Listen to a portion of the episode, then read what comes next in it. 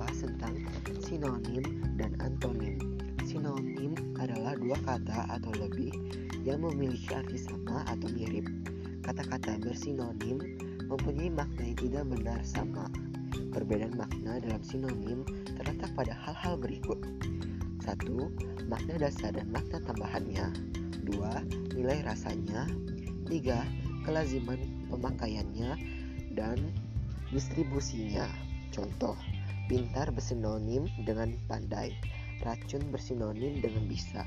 Menulis sinonim dari salah satu kata, yaitu beberapa kosakata dalam bahasa Indonesia memiliki arti yang sama atau mirip.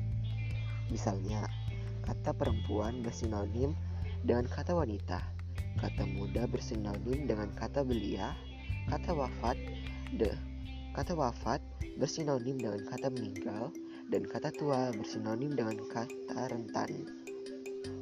Antonim adalah kata-kata yang berlawanan arti.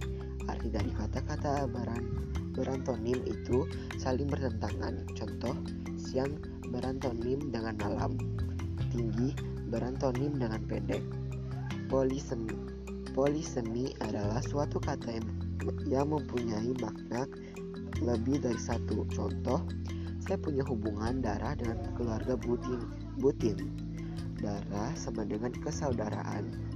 Perhatikan kata darah pada kalimat A, berarti keluarga. Makna konotasi. Sedangkan darah pada kalimat B berarti zat merah dalam tubuh kita. Makna denotasi.